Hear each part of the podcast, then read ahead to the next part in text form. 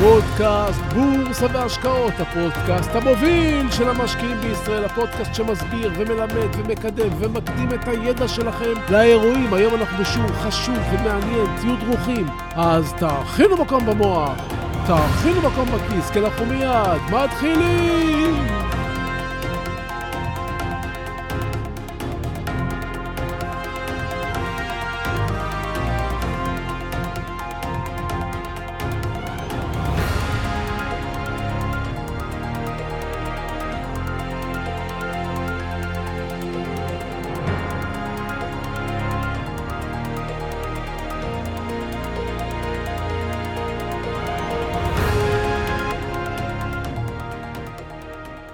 הייתי בן 16 אי שם בתחילת שנות ה-80, כשהחלטנו כמה חברים טובים לרדת לאילת בפעם הראשונה בחיינו.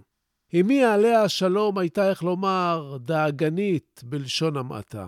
ואני הייתי צריך לחשוב על סיפור טוב כדי שהיא ואבא שלי לא יטילו וטו של הילד על הנסיעה לאילת. עשיתי חישובים כלכליים, כמה כסף אני צריך לנסיעה.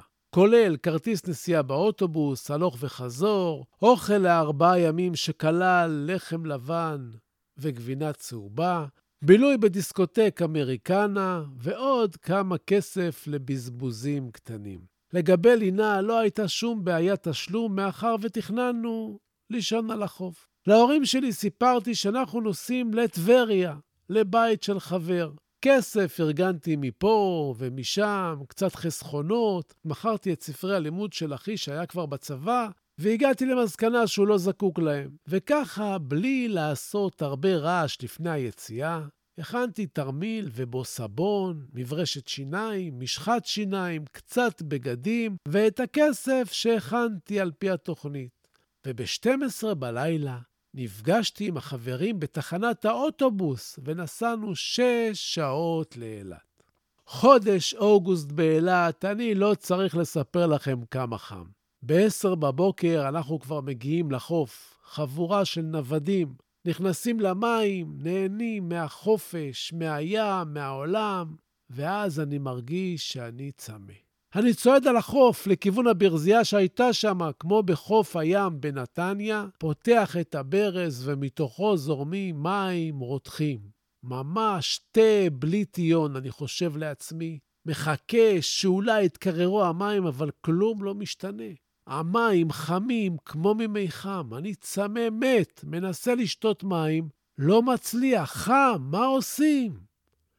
ואז אני מגלה, לראשונה בחיי, שקונים מים בבקבוקים. שנת 1983. עד אז אף פעם לא קניתי מים בבקבוק. בבית היו ממלאים כד או בקבוק ריק במים מהברז, שמים במקרר ושותים. כשהיינו יוצאים מהבית או הולכים לחברים, אף אחד לא היה מחזיק בקבוק או מים בבקבוק. יותר מזה, לא היה לקנות מים בחנויות או בסופרים, זה לא היה נהוג. רק בחנויות של תיירים ניתן היה לקנות מים, כי הם היו שותים מים מינרליים. בקיצור, קניתי בקבוק מים קפוא גדול, וככה העברתי את היום עם גוש קרח בבקבוק, שאני מוזג לתוכו כל פעם קצת מים רותחים מהברז. אז גם למדתי את המושג בלטם, בלתי נצפה מראש. תכננתי את הכסף בצורה מדויקת, אבל הקטע של המים היה בלתי נצפה מראש, ככה שהוצאה על המים לא לקחתי בחשבון. חמישה ימים ביליתי באילת. לחם צר ומים לחץ. לחם, גבינה צהובה ומים. מים, מי חשב שהם יהוו את הבעיה? מאז אני תמיד מנסה לתכנן טוב יותר וטוב יותר ולהיות מוכן לכל אפשרות של בלטם, גם בהשקעות. חושבים שזה הדבר היחיד שהיה לספר לכם על מה הם היום? אז לא. חכו ותשמעו. שלום וברוכים הבאים לפודקאסט בורסה והשקעות, הפודקאסט המוביל של המשקיעים בישראל. גם היום נדבר על השקעות, רעיונות ועוד דברים מפליאים, אז תהיו ממוקדים, תכינו מקום במוח, תכינו מקום בכיס, כי אנחנו מיד ממשיכים.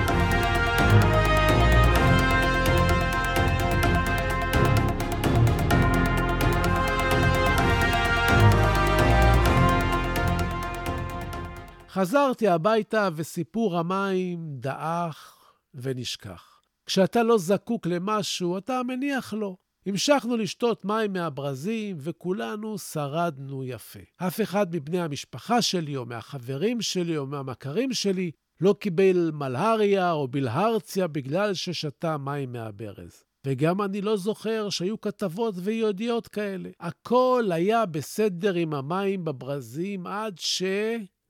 בשנת 1992 נולד במזל טוב בני הבכור. בבית החולים, במחלקת יולדות, הכינו לתינוקות בקבוקי הזנה של תחליף חלב, שהוכן עם מים מינרליים. אז התחילו לפעפע מים מינרליים בחנויות.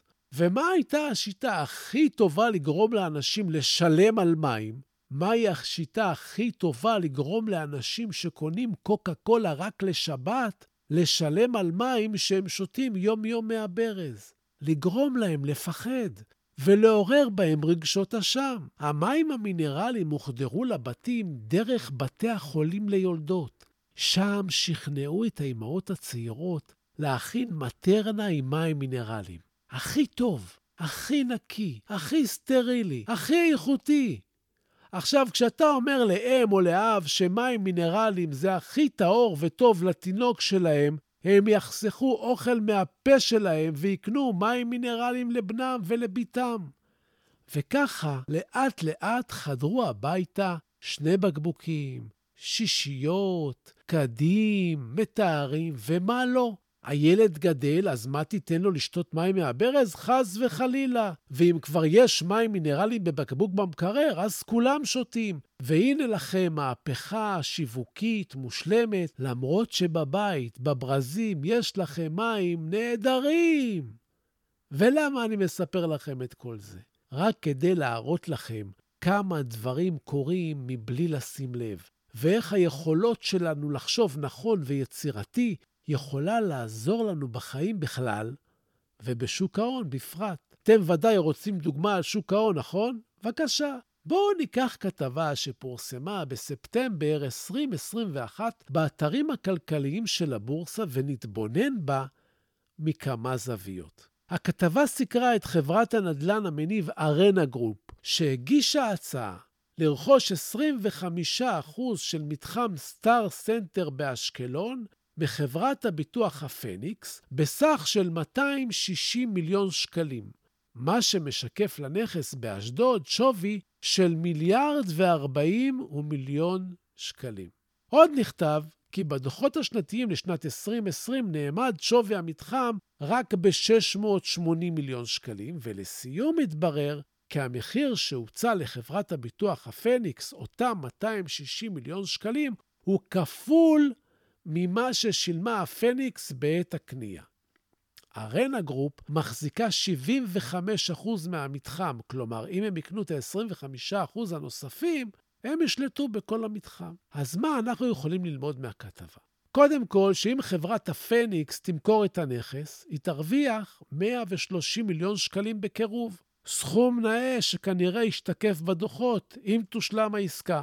וזה כבר מעניין. בנוסף, אפשר ללמוד מה ערכו של מרכז מסחרי כזה היום, שהוא בעל כ-44 אלף מטר רבוע, שטחי מסחר ועוד זכויות, ולגשת לחפש בכמה מתומחרים מרכזים כאלה בדוחות של החברות שמחזיקות מרכזים מסחריים דומים. האם המחירים דומים, או אולי מסתתר איזה אוצר בלום שמצוי בין מחירי המתחמים בספרי החברות לעומת השווי שלהם בפועל. לבסוף, אפשר ללמוד שהמחיר שמציע ארנה גרופ עבור 25% מהמתחם, מציב את הנכס הזה במחיר כמעט כפול ממה שהוא רשום. השווי של סטאר סנטר בספרים אצל ארנה גרופ עומד על 513 מיליון שקלים, והיא מציעה מיליארד ו-40 מיליון שקלים. אבל המוח שלי ככה בינו לבין עצמו, ואני חלילה לא מנסה להטיל דופי באיש, רק מגלגל ביני לבין עצמי מחשבה על הקלות שבה אפשר להקפיץ שווי של נכס. דמיינו שיש לי קניון קטן ואני מחזיק 80% ממנו. וורן באפט, לצורך העניין, מחזיק ב-20%. החלק שלי בקניון רשום אצלי שהוא שווה 8 מיליון שקלים. ואם כך, החלק של וורן באפט שווה 2 מיליון שקלים, נכון? עכשיו, אני פונה אל וורן באפט ומציע לו שירכוש את חלקו בקניון ב-6 מיליון שקלים. מה זה אומר לגבי 80% שאצלי? שהם שווים 24 מיליון. תראו איך העליתי את השווי של החלק שלי בקניון פי שלושה, רק כי הצעתי לבאפט לקנות את החלק שלו בשווי גבוה פי שלוש. אני בטוח שבארנה גרופ לא חשבו על זה, אבל הנה לכם רעיון מבריק להעלאת ערך בצורה מתוחכמת. אז ממים מינרליים, דרך חדרי לידה ועד להעלאת הערך בקניון, הכל עובד דרך המוח. תחשבו, תחשבו, לכן אתם כאן, לא? ועכשיו, עכשיו לפינת הטיפים שלנו.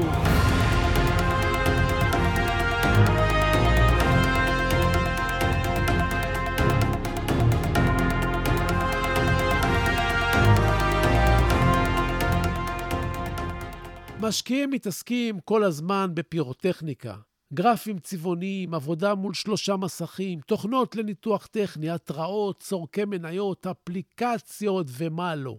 היתרון הוא שאין לכם יתרון. כולם משתמשים באותם דברים. הטכנולוגיה לא מקדמת אתכם כמו שאתם חושבים בזמן שאתם נחשפים לעוד כלי מרהיב. היתרון שלכם יכול להגיע רק מהמוח שלכם, מהמחשבות שלכם, מהיצירתיות שלכם, מהיכולת שלכם להבין מה קורה במוח שלכם. וזו בדיוק הסיבה שאני מוציא קורס שיעסוק כולו בפסיכולוגיה של ההשקעות, כדי שתוכלו לממש את הפוטנציאל הענק שיש לכם ולנצח. לפעמים אנחנו מחפשים משהו מתחת לפנס רק כי המקום מואר, ואז הוא הופך לנוח יותר עבורנו לחיפוש. אני עומד להדליק עבורכם אחד כזה, שיבהיר ויאיר את האפלה שמשקיעים מתהלכים בה. תנצלו את זה. זה יקדם אתכם עשרות שנים קדימה ויחסוך לכם טעויות כסף ועוגמת נפש. אני, את שלי עשיתי להיום. ואתם?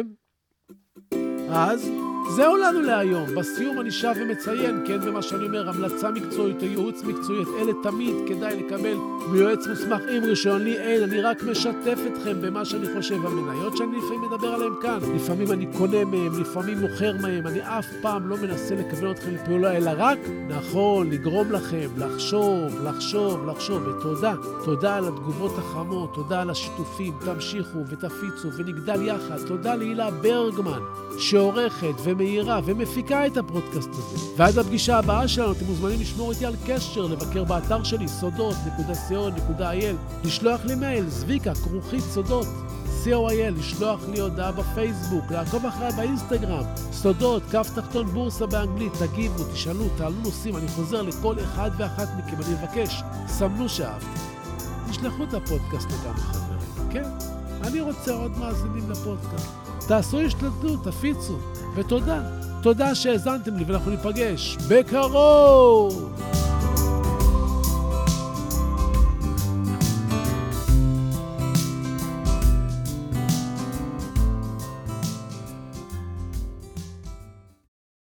אט-אט גובע פבלו נרודה. אט-אט גובע מי שלא נוסע, מי שלא קורא, מי שלא שומע מוזיקה, מי שלא מוצא את החן בתוך עצמו. אט-אט גובע. זה שהורס את האהבה לעצמו. זה שדוחה עזרה מושטת. אט-אט גובע. זה המשועבד להרגליו, החוזר יום-יום על אותם המסלולים. אט-אט גובע. זה שלא מחליף את המותג, שלא מחליף את צבע הלבוש, שלא משוחח, עם מישהו שהוא לא מכיר. אט-אט גובע, זה שמתחמק ממערבולות החושים, המונע מעצמו תשוקות המחזירות את הברק לעיניים ומשקמות את הלב ההרוס. אט-אט גובע, זה שלא מסובב את ההגה כאשר הוא לא מאושר מעבודתו, ממעשיו, מאהבתו. אט אט גובע.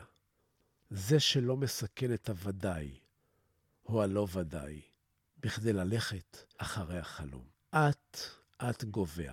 זה שלא מרשה לעצמו, אפילו פעם בחיים, לברוח מהעצות הנבונות. חיי היום, סכן היום, עשה היום, עשה מיד. אל תסכים לגבוה לאט. עשרת המכשולים, אל תסרב לאושר.